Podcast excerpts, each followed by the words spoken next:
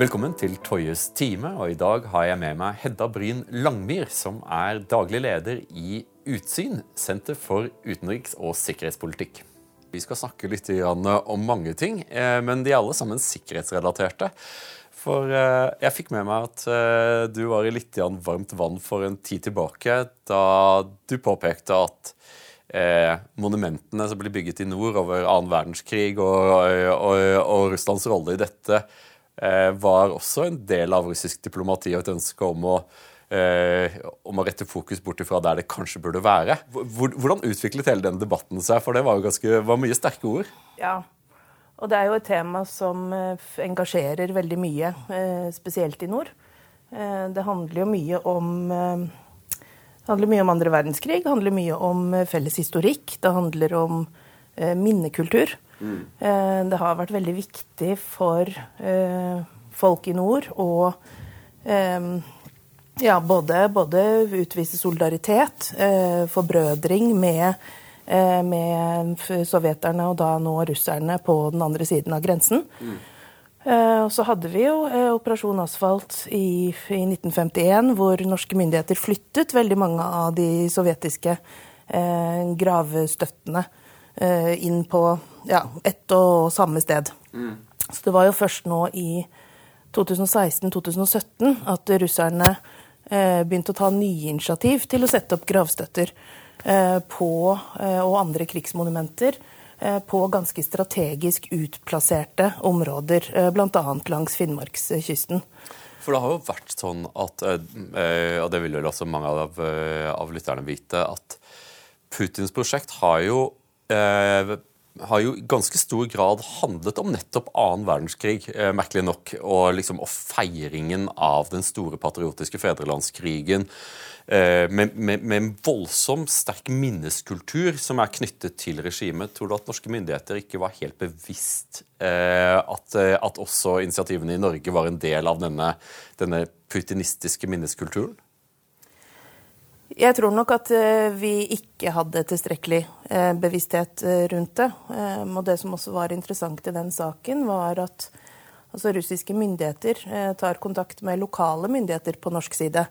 Og hvor Kunnskapsdepartementet og andre deler av sentrale myndigheter mer eller mindre overlater ansvaret for om dette er en god idé eller ikke, ned på lokalt nivå. Mm. Uh, og det er en del av den utfordringen vi har sett kanskje spesielt siden 2014. Mm. Uh, hvor uh, diplomatiet mellom Norge og Russland har lidd. Altså under annekteringen av Krim.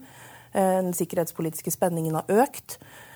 mer av det diplomatiske ansvaret har falt ned på regionalt og lokalt nivå i nord. Mm. hvor de på en måte har fått Eh, definisjonsmakt, myndighet, eh, eh, mulighet til å navigere i noe som egentlig er et ganske komplisert geopolitisk og sikkerhetspolitisk univers.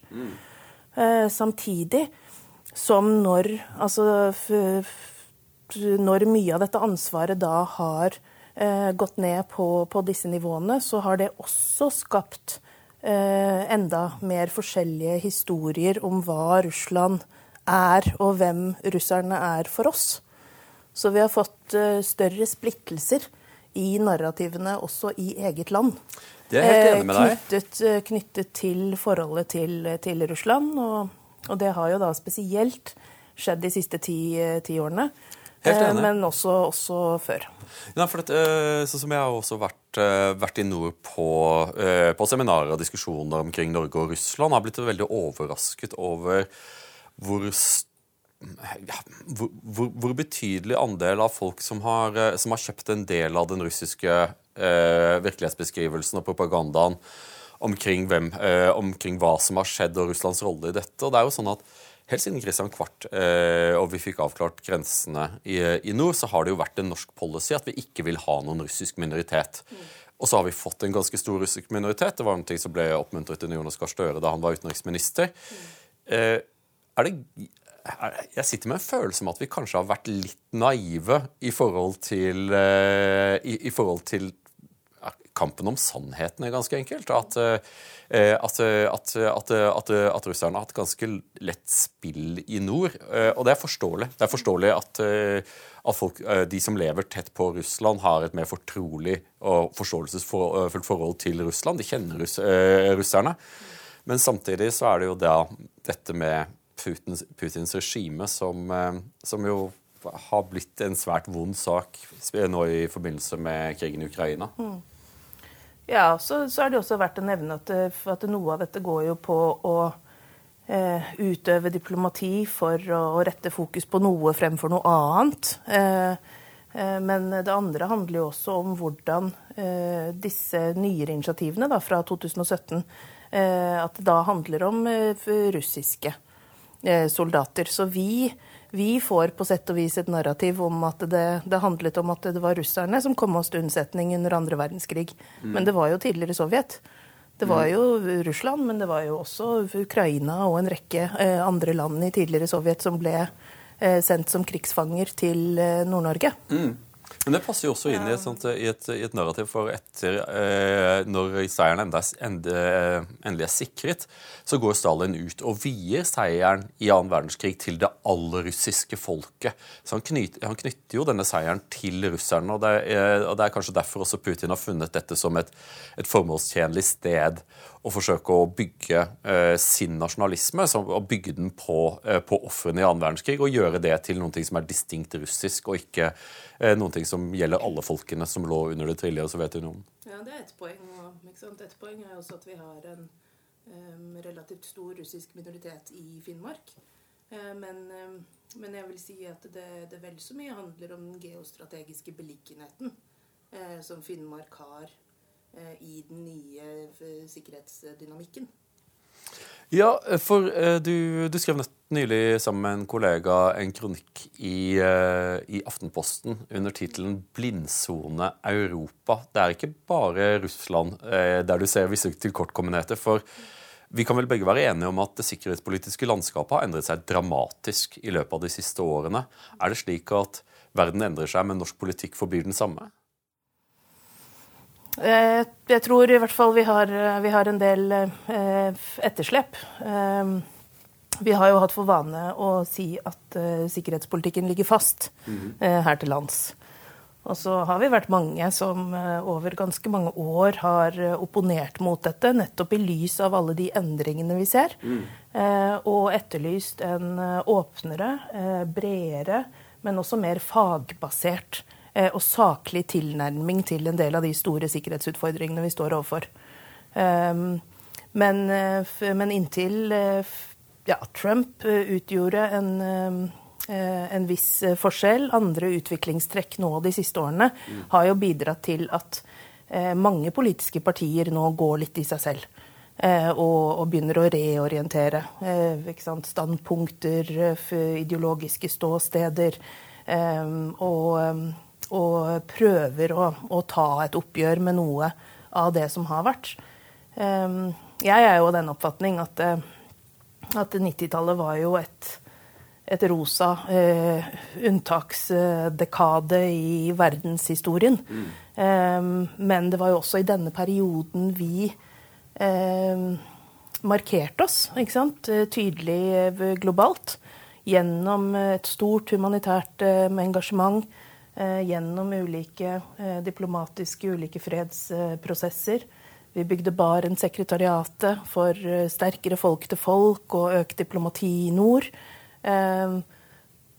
Det var jo noe vi hadde overskudd til å gjøre fordi vi levde i dyp fred. Ja, Det var et utenrikspolitisk frikvarter på sett og vis? Ja. Også, altså, du, du, hadde Rwanda og du hadde Balkankrigene, og det skal definitivt ikke Eh, underkommuniseres eller undervurderes. Altså viktigheten og betydningen av det. Eh, men, eh, men like fullt så var det all over et, et veldig mye fredeligere tiår. Hva tror du er grunnen til at, eh, til at, Norge ble stående litt fast i 90-tallet, hvis, hvis, hvis, vi antar det? For jeg, jeg, jeg, tror at du har rett. I det store tror jeg at du har rett, og vi kan være enige om at det finnes unntak og, og nyanser, men la oss si at det er det store. Hvorfor tror du Norge ble hengende litt igjen i 90-tallet? Jeg tror, det lå, jeg tror det ligger en del prestisje i det eh, for, for, Norges del som eh, et relativt lite land. Eh, det å på en måte få lov til å markere seg på såpass mange globale arenaer opplevdes viktig og betydningsfullt for oss. Imaget og selvbildet av at vi var en fredsnasjon, at vi gjorde gode ting i verden, sto sterkt. og sammenfalt med i hvert fall store deler av opinionen eh, på 90-tallet. Mm. Um, og så hadde vi jo en lengre periode med altså begynnelsen av Area-operasjoner. Eh, eh, store omstillinger av eh, Forsvaret. Mm. Um, som jeg tror eh, bl.a. da bidro også til en større avstand mellom folk og forsvar. Så sikkerhet og beredskap og Eh, forsvarspolitikk eh, fikk en mye mindre plass eh, i sivilbefolkningen og, og, i det offentlige ordskiftet. Hva, men hva er problemet? For du har, du har skrevet om dette om, om Sivilforsvaret, eh, som, det ikke, som, det ikke, står så bra til med. Hvorfor er du så opptatt av Sivilforsvaret? For det er nesten ingen andre som er opptatt av det. Nei, jeg er ikke så opptatt av selve Sivilforsvaret, kanskje, men, men jeg er veldig opptatt av totalforsvaret. Eh, I 2014 så, så, reintroduserte man dette begrepet. Mm. Man, eh, tidligere så hadde man jo et mye tettere samarbeid mellom sivile og militære aktører. Og etter 2014 så, så har myndighetene sett det nødvendig å engasjere større lag av befolkningen i forsvaret av landet. Og dette handler jo eh, i hovedsak om at eh, trusselbildet har eh, endret seg, at det har blitt veldig mye mer sammensatt. At vi ser bruk av både militære og ikke-militære virkemidler som settes sammen. Både for å true. Det kan være å true kritisk infrastruktur. Det kan være å drive påvirkningsoperasjoner for å skape splittelser. Eller annen uro som, som, gjør det vanskelig for eh, et demokrati å, å fungere. Men det har, jo også vært, det har også vært endringer, og du har jo lang fartstid i, eh, i fredsbevegelsen. I løpet av bare de siste par årene så har jo noen av liksom, grensene for norsk sikkerhetspolitikk blitt flyttet på. Før så hadde vi jo basepolitikken. Ingen amerikanske baser i, i, i Norge. Vi hadde atomforbudet. Og, og Hvorfor tror du at vi har tatt og endret på dette? Ja, naturligvis også eksport av våpen til, til krigssoner var, var, var, var, jo inntil for et par uker siden noen ting vi ikke drev med. Mm. Eh, så det har jo også vært en endring. Eh, men fra eh, hvordan Det virker som at fredsbevegelsen har liksom kommet litt skjevt ut i disse debattene og har blitt litt irrelevant. Stemmer det? Ja, det det vil jeg jo påstå at de har vært ganske lenge. Mm. Um, jeg jobbet som um, ja, daglig leder i Norges fredsråd uh, frem til 2017. Um, mm. Uh, og, og det, er en, ja, det er en historie som egentlig er vel verdt å, å fortelle. Uh, I hvert fall deler av. Og, og det var at etter annekteringen av Krim i 2014 Ehm, så, så opplevde jeg at ulike eh, undergrupper og ulike miljøer eh, etter hvert tød til veldig forskjellige eh, kilder til informasjon. Så vi så en stor fremvekst av eh, alternative medier. Eh, ganske sånn sterkt ideologiserte eh, medier. og I hvilken retning? ensidige. Ens, men ensidig i hvilken retning? Pro, pro Russland? Ja. Eh, anti-amerikansk. Anti eh, og, eh, og, relativt vennlig innstilt mot russerne. Så det var jo flere steder, men det var jo spesielt steder som, som Steigan, eksempelvis.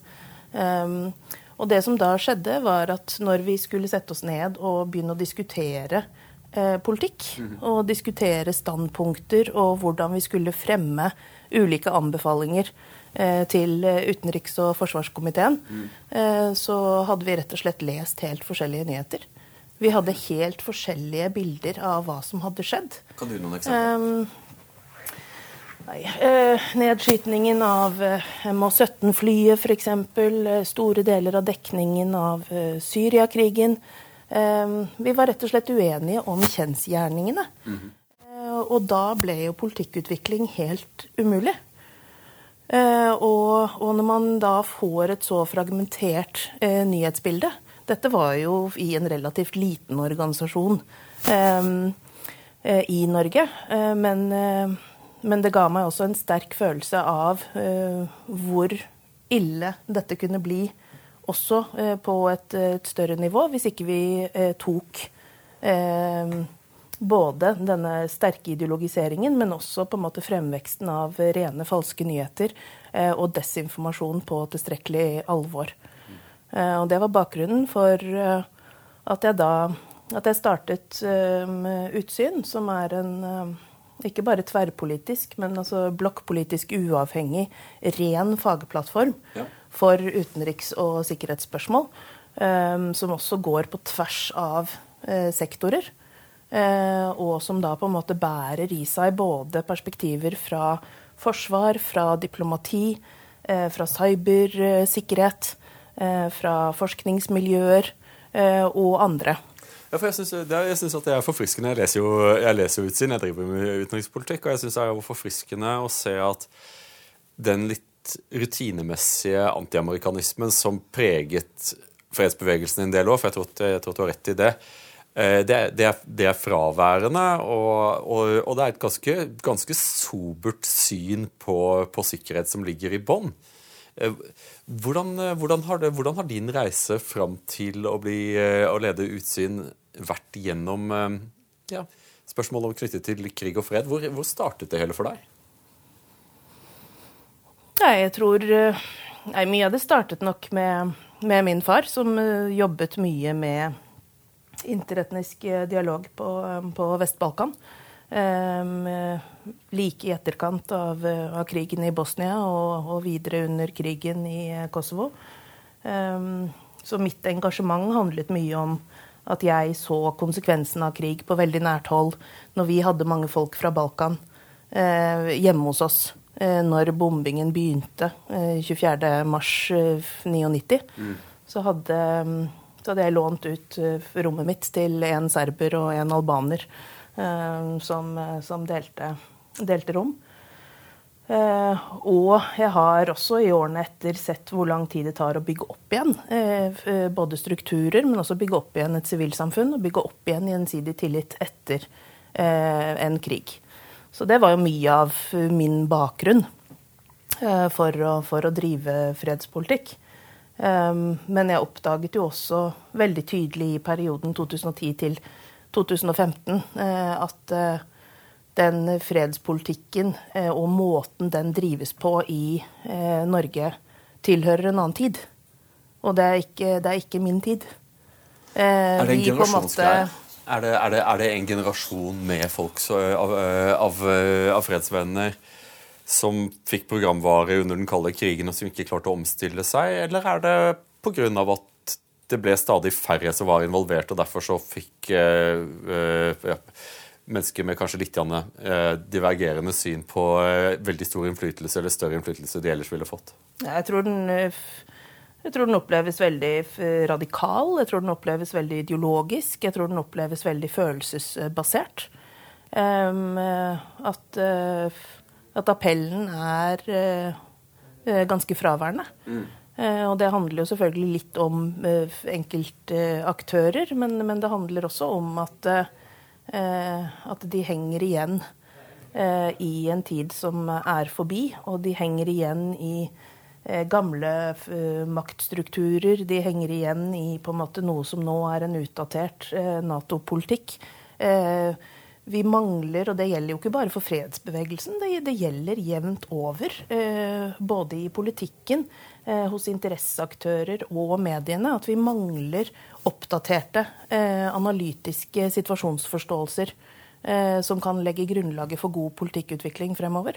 Jeg er litt sånn overrasket uh, over dekningen av, av Ukraina-krigen. og Det er noe som jeg uh, er veldig interessert å høre dine spørsmål på også. For det, det startet veldig løfterikt med med, med, godt journalistisk håndverk, der man, der man var veldig tydelig på å gjøre klart hva som er bekreftet, og hva som ikke er bekreftet.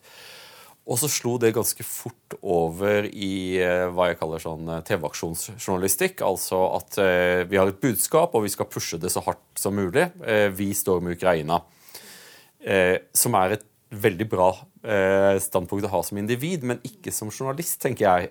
og, når jeg ser på nyhetsdekningen f.eks. i Danmark, så er det langt større betoning av kalde, harde fakta er hva vi driver på med.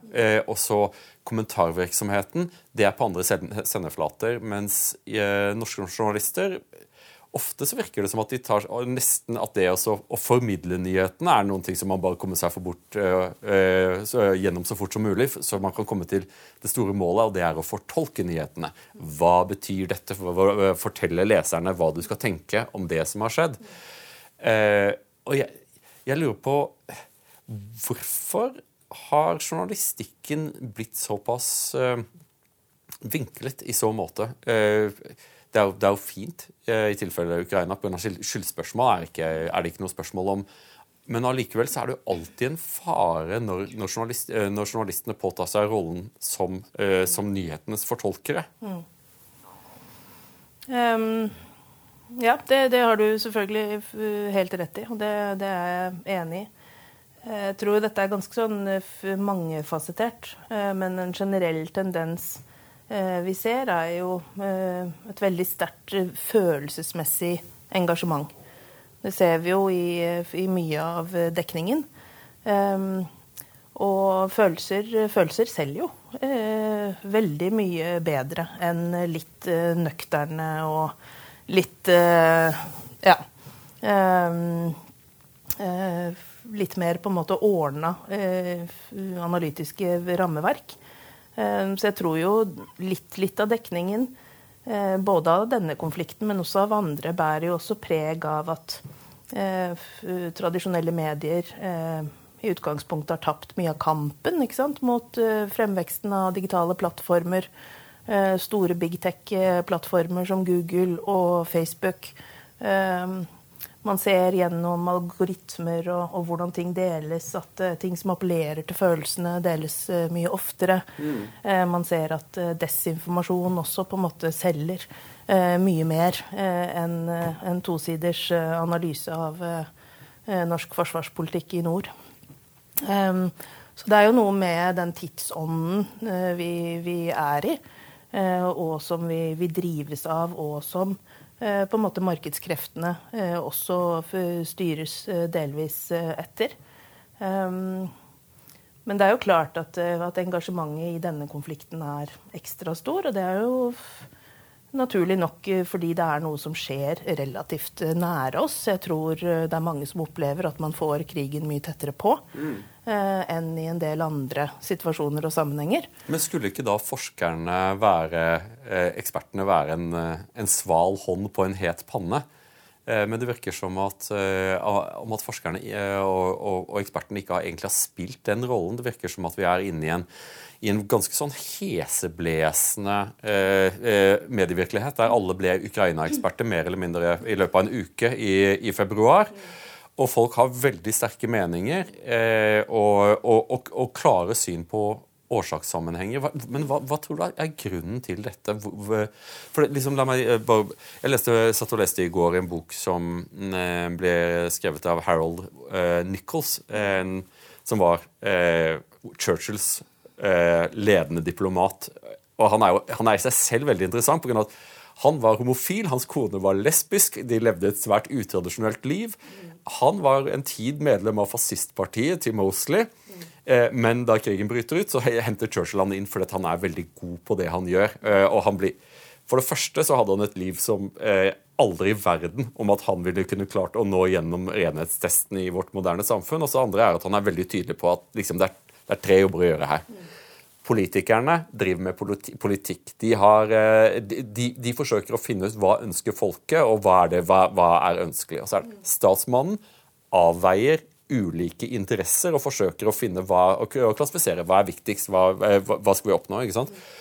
Og diplomaten eh, har, har ingen følelser eller, eller, eller, emosjoner i forhold til det. Dette er en fagmann som skal oppnå prioriteringene til statsmannen, er orientert av politikerne. Og Det er tre helt forskjellige roller. Mens nå sitter vi i en sånn situasjon om at, at liksom, vår utenriksminister nesten avkreves ja, hva føler du? Eh, hva synes du om, om dette? Liksom at, man, eh, at, at, man, må liksom få en, sånn, en, bekreftelse på at hun er like opprørt som alle oss andre, selv om det ikke er noen grunn til å tro at, at hun ikke er det. Og, og, ingen spør seg er dette egentlig jobben til utenriksministeren. Bør ikke vi ha en utenriksminister som er ganske kald eh, i en svært utfordrende situasjon? Um. Jo, her, og her tar de jo opp eh, egentlig ganske mange ting. Eh, det ene er jo altså med debatten som har pågått mellom eh, forskere eh, på feltet. Eh, både rett i forkant av krigen og under krigen. Eh, det har jo til dels vært et ganske hardt debattklima. med både store uenigheter, men, men også til dels personangrep mot, mot enkelte som har vært veldig eksponerte Eh, i mediene i forkant av krigen. Eh, så, så, det du snakker om nå, er jo, det er jo ytringskultur i krigstid. Altså mm. sånn hvordan, hvordan er det vi skal te oss?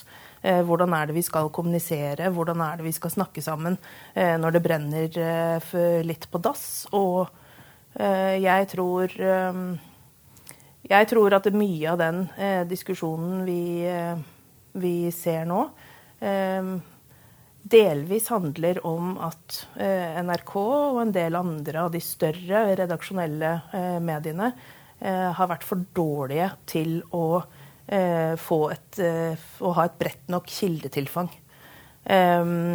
At de, om det er av bedagelighet, eller om det er av interesser eller sympatier, eller hva nå enn motivasjonen skulle være, så er ikke det så farlig.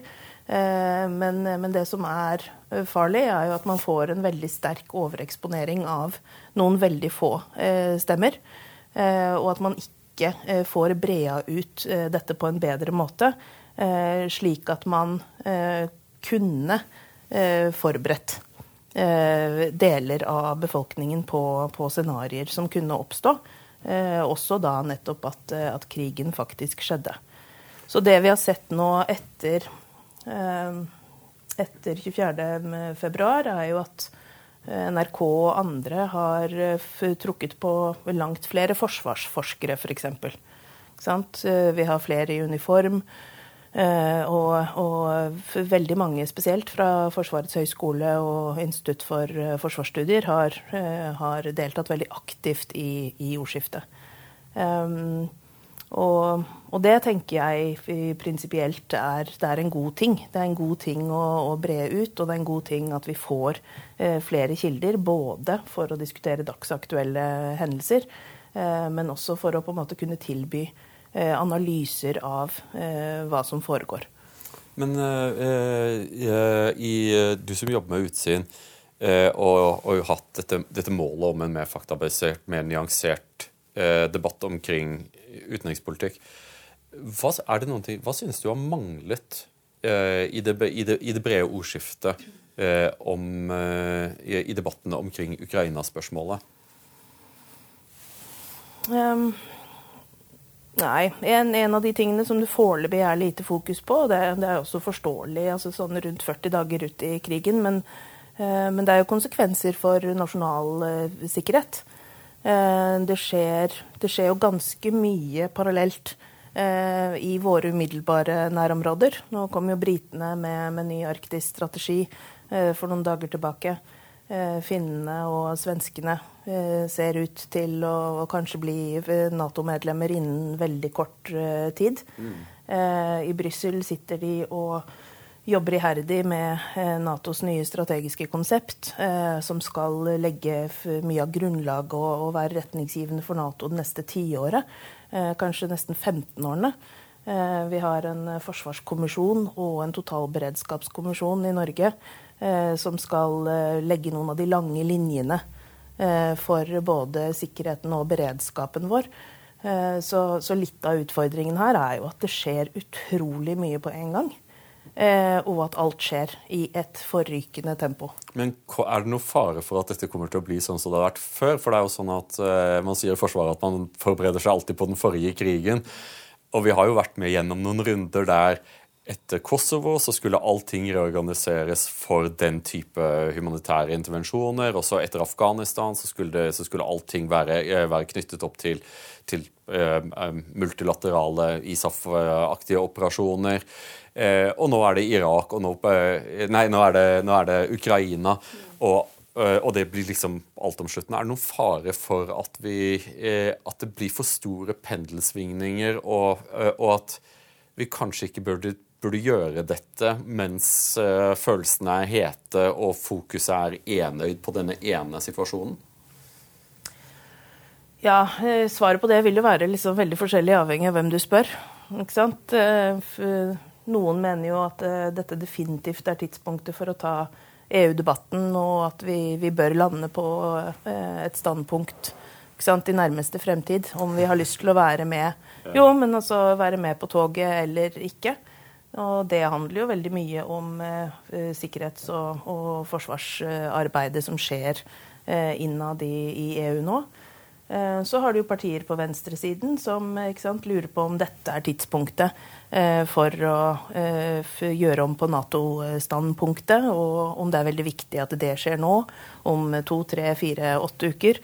Eller om man bør vente til måte ting har roet seg litt ned. Mm. Så jeg tror nok at folk veldig på tvers av, eh, av, aksene i, i politikken. Eh, noen ser jo dette som ja, en mulighet til å ta opp igjen eh, gamle eh, debatter og kanskje få noen eh, nye svar. noen tenker som deg, at det er, det er, kanskje mer fornuftig å la på en måte den verste vinden blåse over Eh, før man eh, tar tak i noen av disse spørsmålene. Eh, det, nei, det, det eneste jeg reagerer på, er at vi, det er en sånn vilje til å, å, konkludere før man har hatt en debatt. Som man sier, setter, man setter som premiss for debatten at uh, EU er en viktig sikkerhetspolitisk og forsvarspolitisk aktør. Eh, Norge må slutte seg til den. Men det stemmer ikke. Det er bullshit på, stil, på stilter. Jeg skrev doktorgraden min om EUs forsvarssamarbeid. Dette er en historie av eh, høye ambisjoner og svært dårlige resultater. Eh, og det er lite som tyder på at vi er i ferd med å få et, et fungerende forsvarssamarbeid i EU. Fransk, Frankrike ønsker det. Eh, men Frankrike hadde knapt kommet ut av porten med sitt eh, strategic autonomy, strategisk autonomi-initiativ. Før plutselig Ukraina-krigen skjer, og, så, og, og, Tyskland hiver seg om. Men de hiver seg ikke om i retning av europeisk eh, forsvarssamarbeid. Nei, det er Nato det er Nato som, er, som, som, forblir rammen for den tyske gjenopprustningen. Mm. Nei, altså det blir, blir, interessant å se. Jeg tror jo Putin både lot seg overraske over hvor samlet Nato faktisk eh, sto. Det har jo lenge vært diskusjon om splittelser i Nato, spesielt når det kommer til trusselbilder. Mm. I Øst-Europa så har man jo på en måte sant, sett veldig mot Russland. I Sør-Europa så har man sett mye mot eh, altså migrasjonsspørsmålet og, og, andre typer ting som, eh, som kommer sørfra. I Norge har vi vært opptatt av nordområdene. og så, så, vi har jo hatt veldig forskjellige bilder av hva som egentlig er viktig å fokusere på, og, og hvordan vi skal løse de ulike typer oppdragene. Mm. Der opplever jeg at på en måte det som nå skjer i Ukraina, er jo en en full implementering av det nærområdeinitiativet som kom i 2008. At nå, nå, er, nå, er, Nato eh, på vei hjem. Ikke NATO? Er på, NATO er på vei hjem, og, det, men, og har vært det lenge. Men dette er jo på en måte en, sånn, en tydeligere manifestering av det. Eh, og en av konsekvensene av det er jo også det at vi ser at veldig mange nå ruster opp. Så ikke sant? Mange Eh, mange styrker eh, forsvarsbudsjettene, og, og, Tyskland har jo hatt den kanskje største eh, snuoperasjonen da, i så måte i Europa.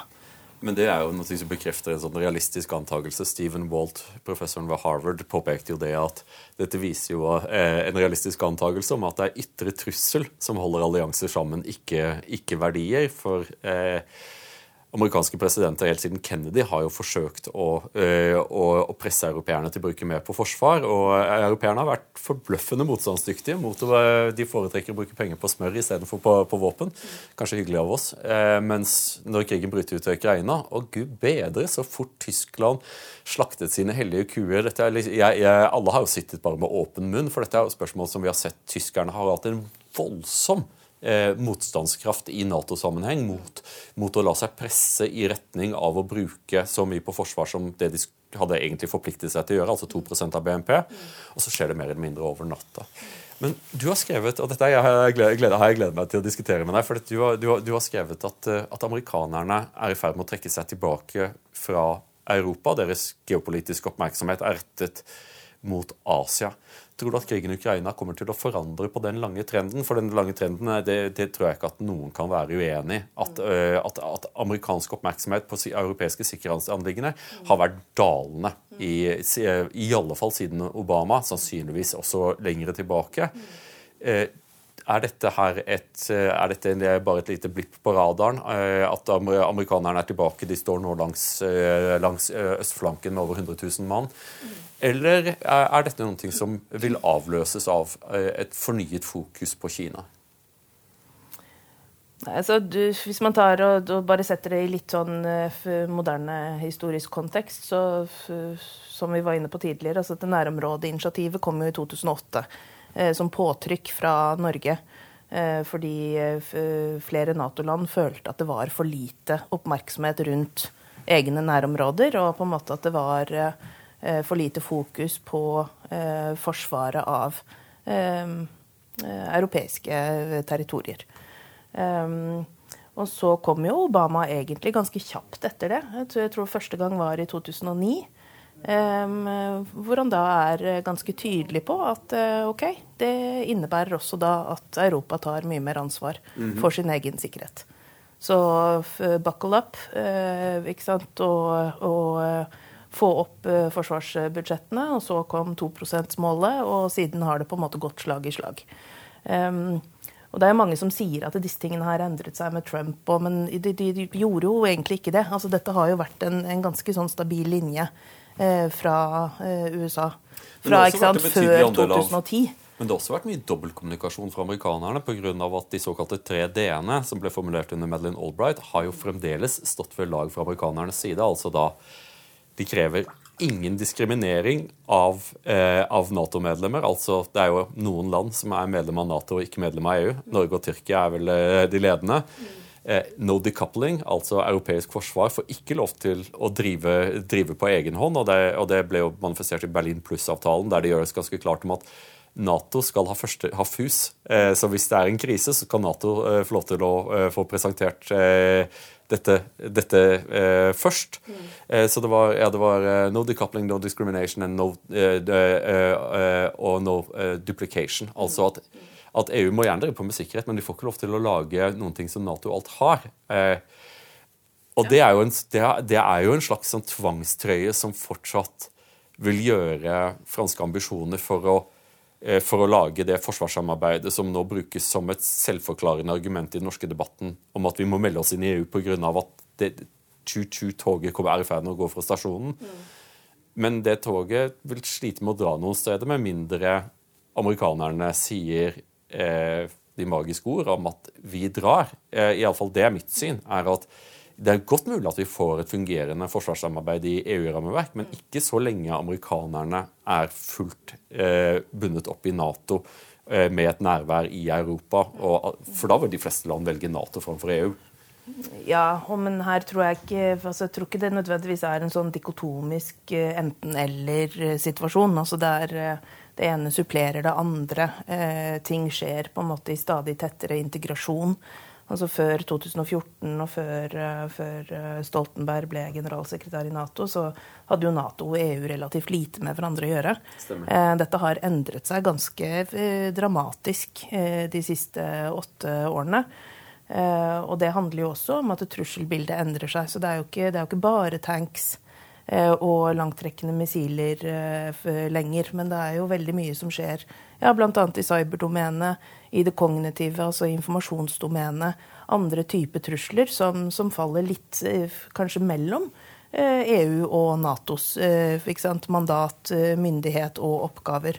Så her er det jo på en måte et nytt, det er et nytt trussellandskap også som som skal tegnes, og en felles situasjonsforståelse som skal lages. Som ikke vi bare sliter med da i vårt eget land, men som, som vi også på sett og vis skal, eh, skal prøve å konsolidere og forenes om. Eh, I et eh, Europa som står i den situasjonen vi gjør i, og med et eh, USA som vi er litt usikre på hvor er på vei. Ja, fordi vi snakket litt om det før vi, vi satte i gang om framtiden amerikansk eh, politikk. I skrivende stund så ser det ut som at julen er i ferd med å falle av eh, Joe Bidens presidentskap. Veldig lav oppslutning i sitt eget land. Eh, sier mange ting som mange reagerer på eh, eh, i, i, talene sine. Og det ser ut som at han ikke kommer til å være demokratenes kandidat i neste presidentvalg. Tror du at Trump kan komme tilbake? Ja, altså Foreløpig så er det lite, i hvert fall etter det jeg har fått med meg, som tyder på at republikanerne kommer til å, å kjøre frem eh, noen annen eh, kandidat. Um, og ja, Uh, Ut ifra det jeg leser og, og, de jeg snakker med, så er det jo en reell eh, sjanse for, uh, for det. og det må vi også på en måte da Eh, være, være mentalt eh, forberedt på. Ehm, samtidig som, som, jeg tror det er viktig det du var inne på i stad. altså at, at, mye av det strategiske fokuset ligger eh, på Sør-Kina-havet og er rettet mot eh, Kina. Og dette er jo på en måte heller ikke en ren militær eh, kamp. Det er jo en tech-kamp, det er en innovasjonskamp. Det er en kamp som eh, kommer til å gjøre seg gjeldende på veldig mange ulike Eh, politikk og veldig mange ulike økonomiske områder. Som selvfølgelig også kommer til å påvirke Europa i stor grad.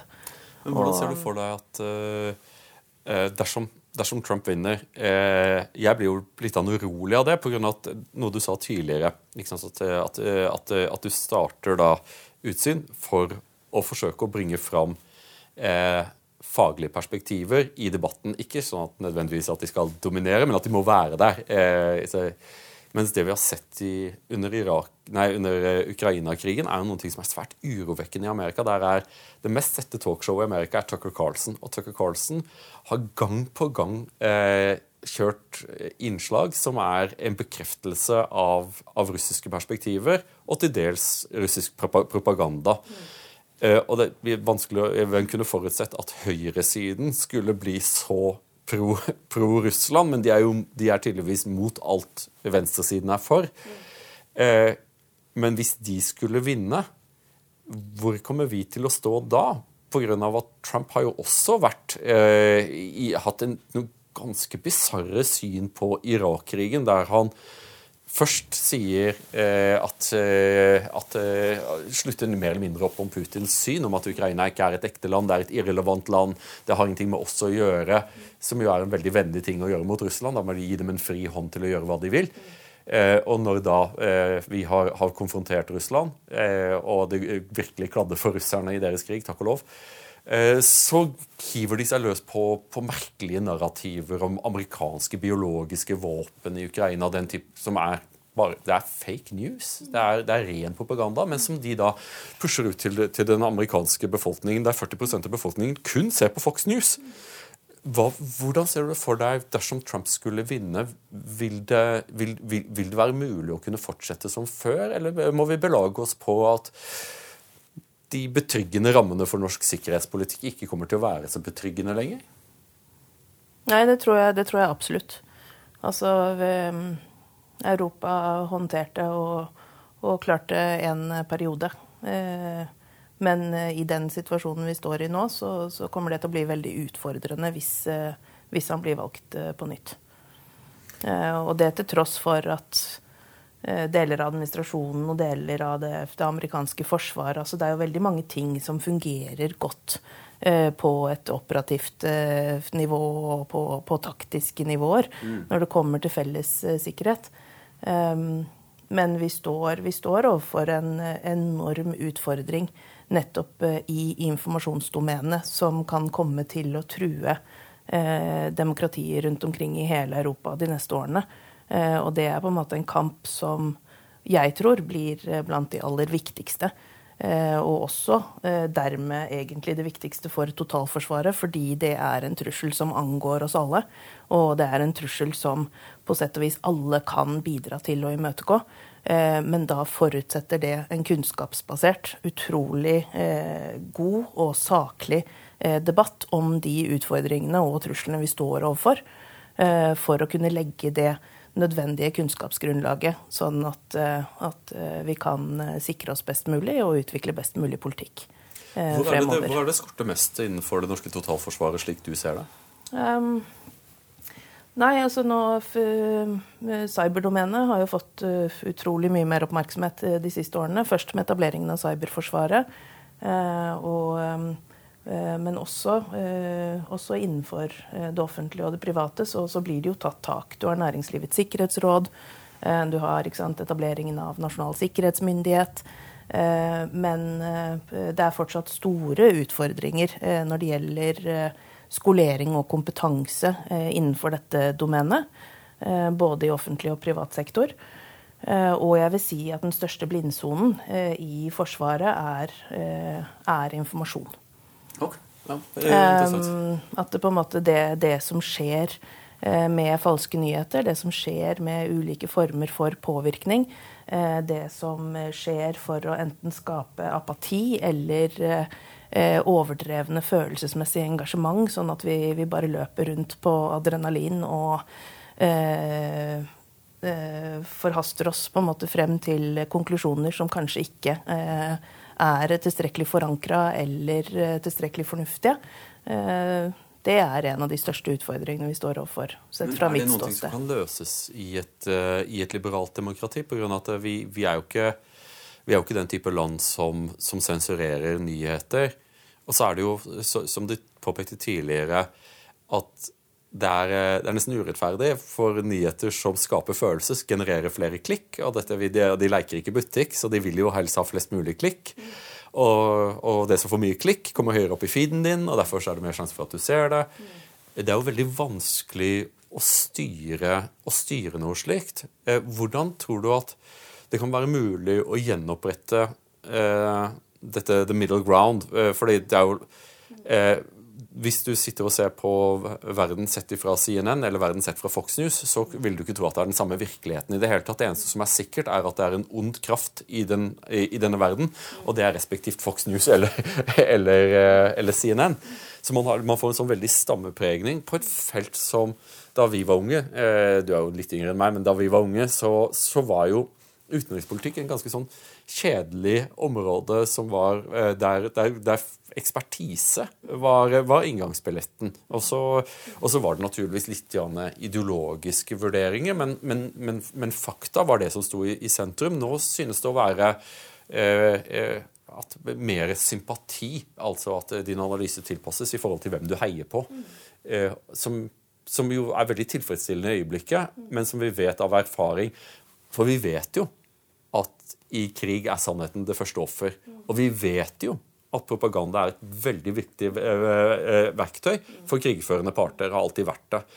Men når krigen bryter ut, så bare glemmer vi det, og så bestemmer vi oss for å tro allting vi ser på TV, eh, og, og vi antar allting vi ser, er sant.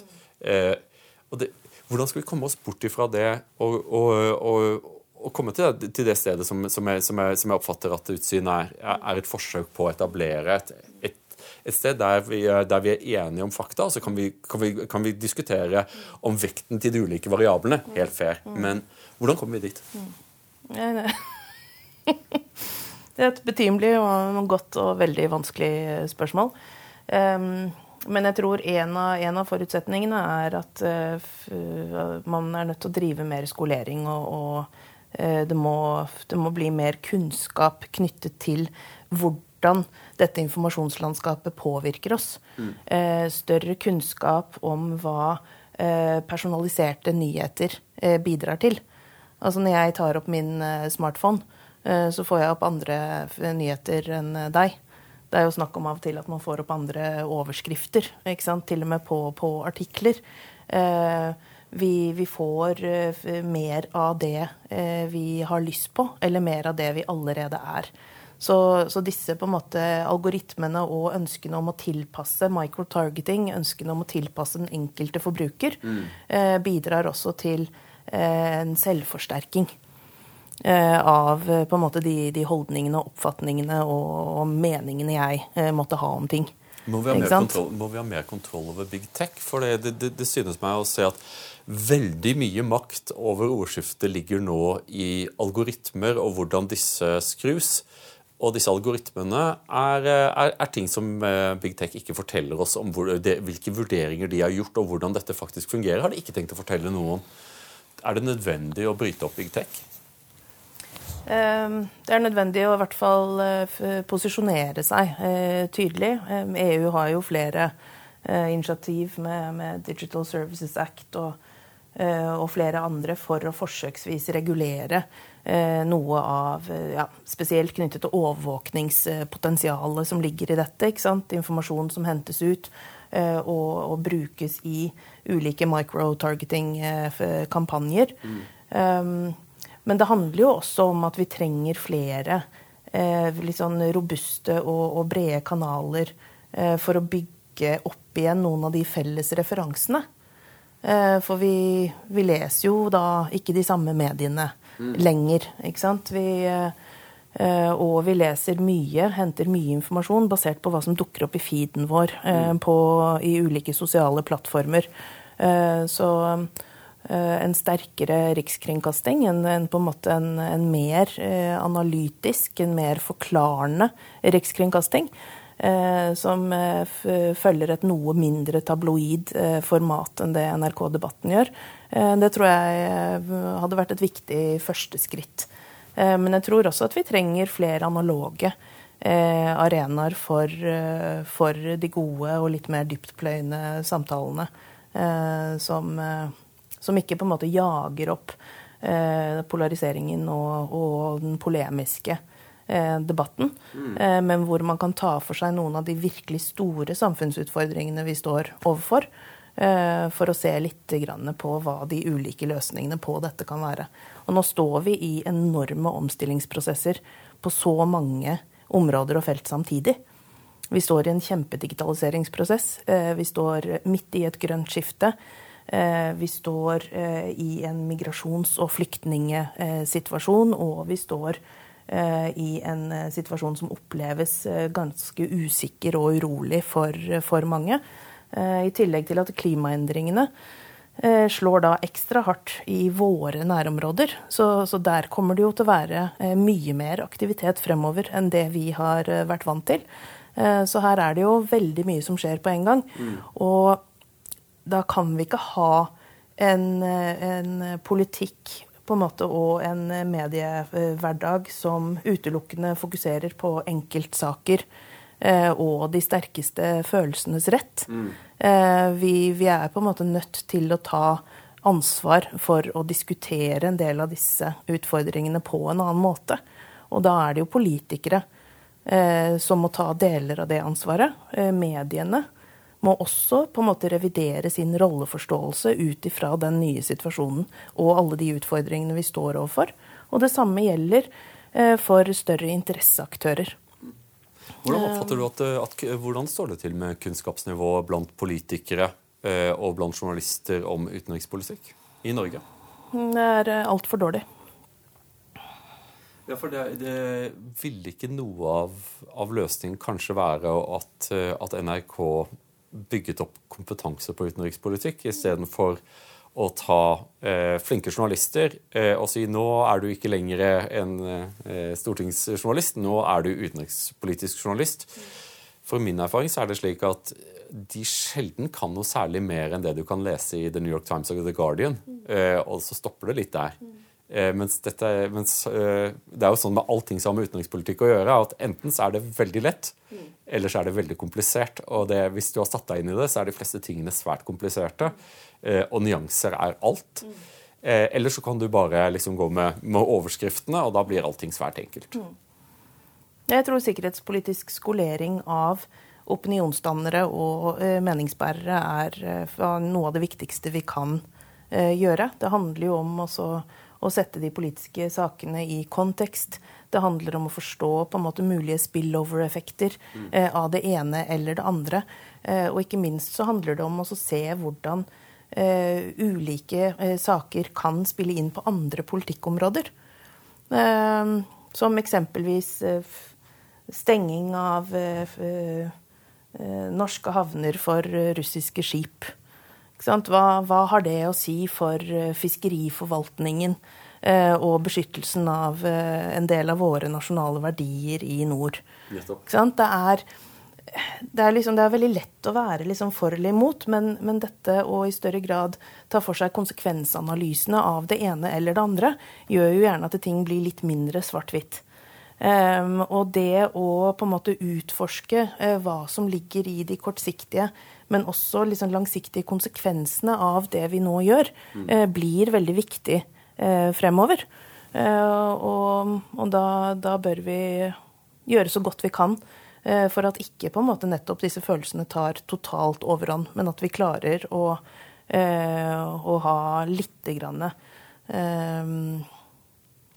Eh, at vi klarer å bevare eh, et klart hode.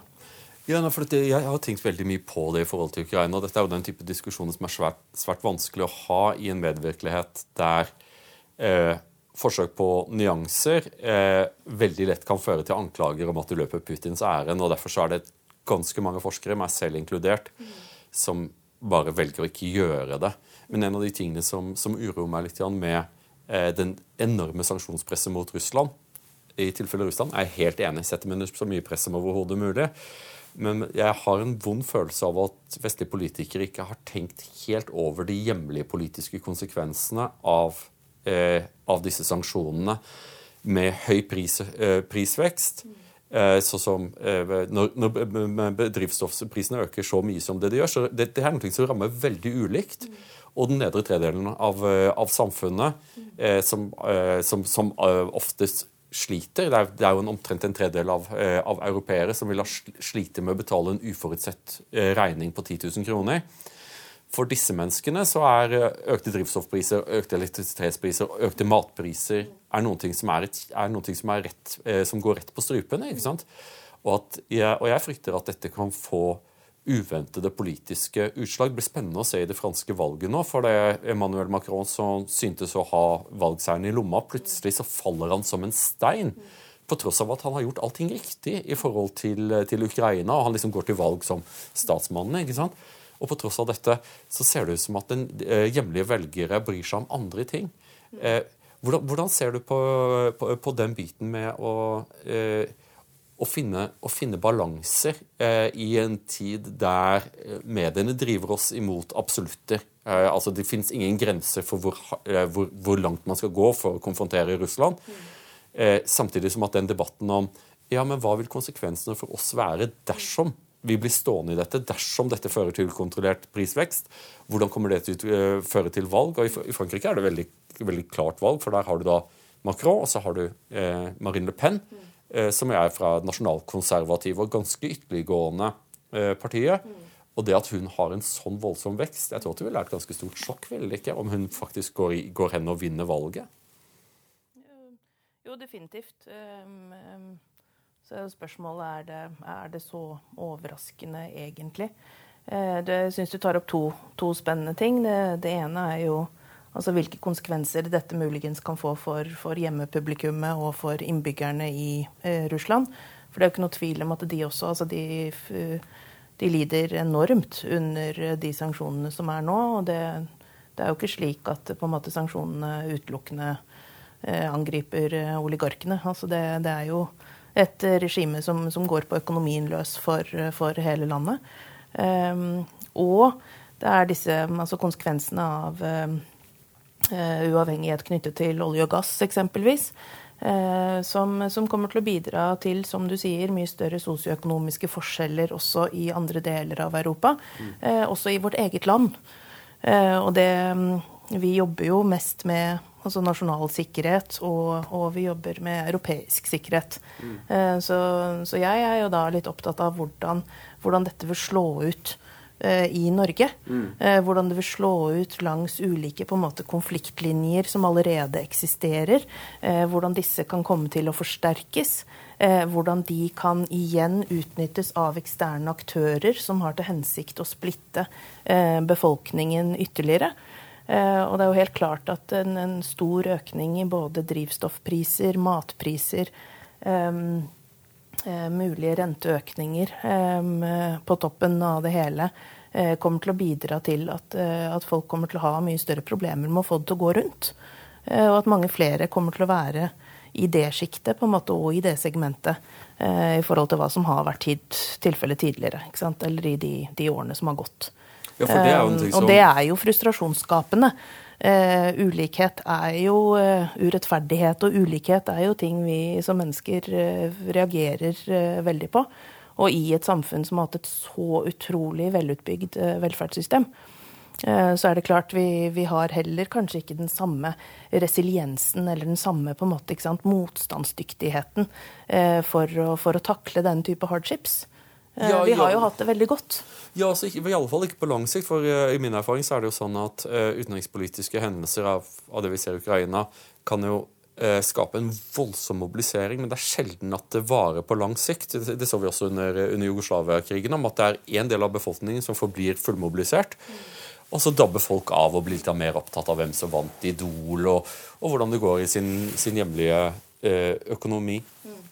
Hvordan tenker du eh, at krigen i Ukraina For det er jo en stor debatt som nå pågår, eh, ikke i mediene, men blant forskere, om Vil denne krigen bli ende i en fredsslutning ganske snart, eller står vi overfor en konflikt som kan pågå i svært mange år fremover? Den amerikanske forsvarssjefen mente jo at det er mest sannsynlig at, at, at Ukraina-krigen kan bli en krig som kan pågå i tiår fremover. Mm.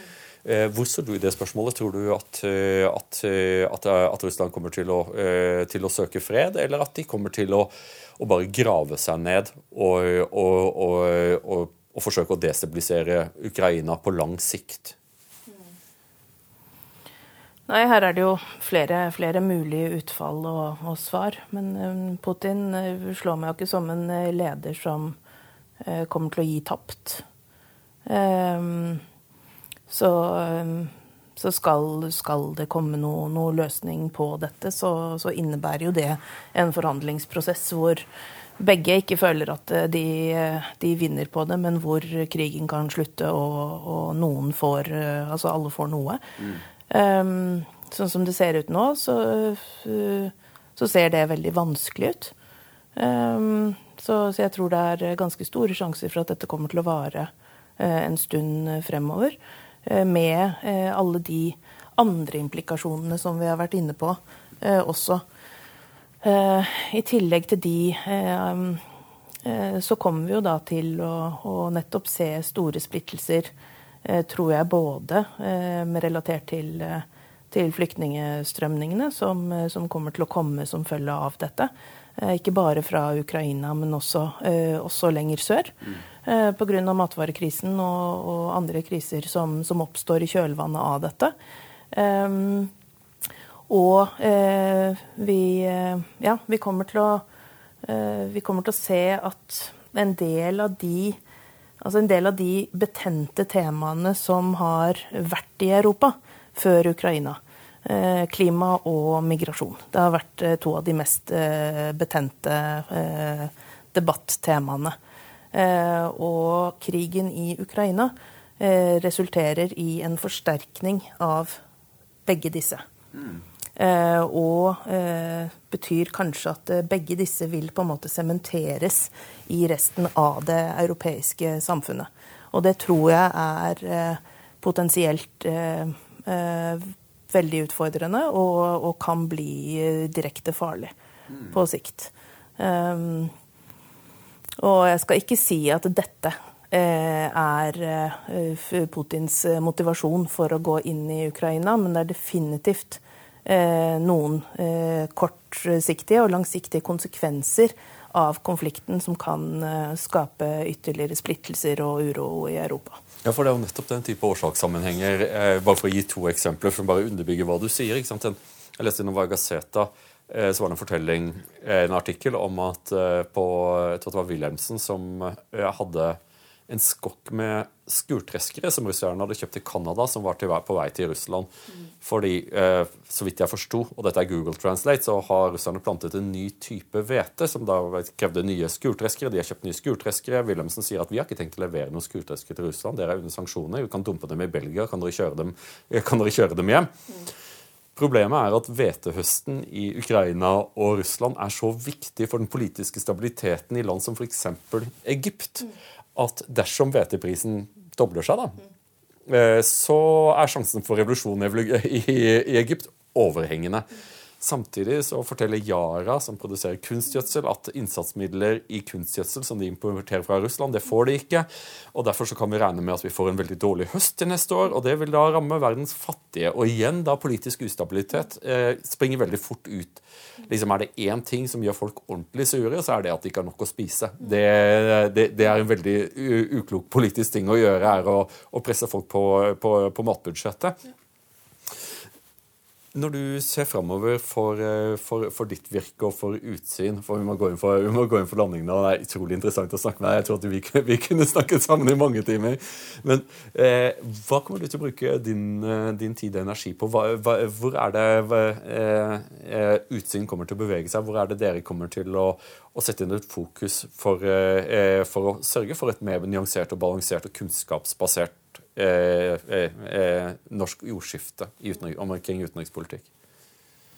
Nei, Tematisk så, så er det viktig å beholde fokus på altså den, de overordnede altså geopolitiske analysene. Altså hvordan det store bildet eh, utvikler seg og, og, hva som skjer, med spesiell fokus på, på nordområdene og på Europa.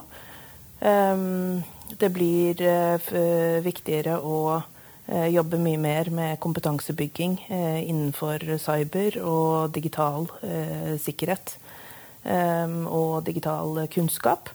Og så tror jeg tillitsdimensjonen blir veldig viktig fremover. Hvordan, hvordan, jobber man aktivt for at vi, vi opprettholder den høye graden av gjensidig tillit som vi tross alt har nytt i dette demokratiet i veldig mange år. Mm. Nå ser vi at den blir på en måte utfordret både av, av, oss selv og av eksterne eh, aktører. Vi står i et veldig forvirrende informasjonslandskap som også har delvis til hensikt å forsterke disse splittelsene vi har snakket mye om. Og vi kommer til å fortsette å ja, både arrangere åpne møter. Vi har jo også en podkast i Politeknisk forening Eh, vi holder innlegg, vi holder foredrag, vi utreder, vi analyserer. Eh, vi snakker med kommisjonene og de som skal på en måte utarbeide eh, politikk på dette fagfeltet fremover. Og så er det jo å forsøksvis være det, det eksempelet til etterfølgelse. At, at man prøver å bevare hodet og eh, bevare rasjonalitet og, og, bevare nødvendig kritisk distanse til det man eh, driver med, sånn at man eh, ikke løper totalt løpsk i dette veldig følelsesmessige infouniverset som vi er en del av. Kommer du også til å, å bruke mer tid med mediene? For du, du, har jo bare 24 timer i døgnet, du også, og du, og du er jo veldig produktiv og er til stede på mange arenaer. Eh, men jeg har savnet, deg, jeg savnet å se deg litt oftere på, på NRK og på TV 2. Kommer du til å bruke mer tid på det? For det er jo viktig også å være til stede der folk får sin daglige dose med utenrikspolitikk. Absolutt. Ehm, vi, eh, vi tilbyr både å, å, legge til rette for at fagprofilene våre eh, deltar i, i denne type debatter. Og jeg kommer også til å til å være til stede eh, i en del av de debattene fremover. Det har vært utrolig interessant å snakke med deg. Hedda Bryn eh, Langmyr, eh, Langmyr takk for at du ville komme på Toyes time. Tusen takk.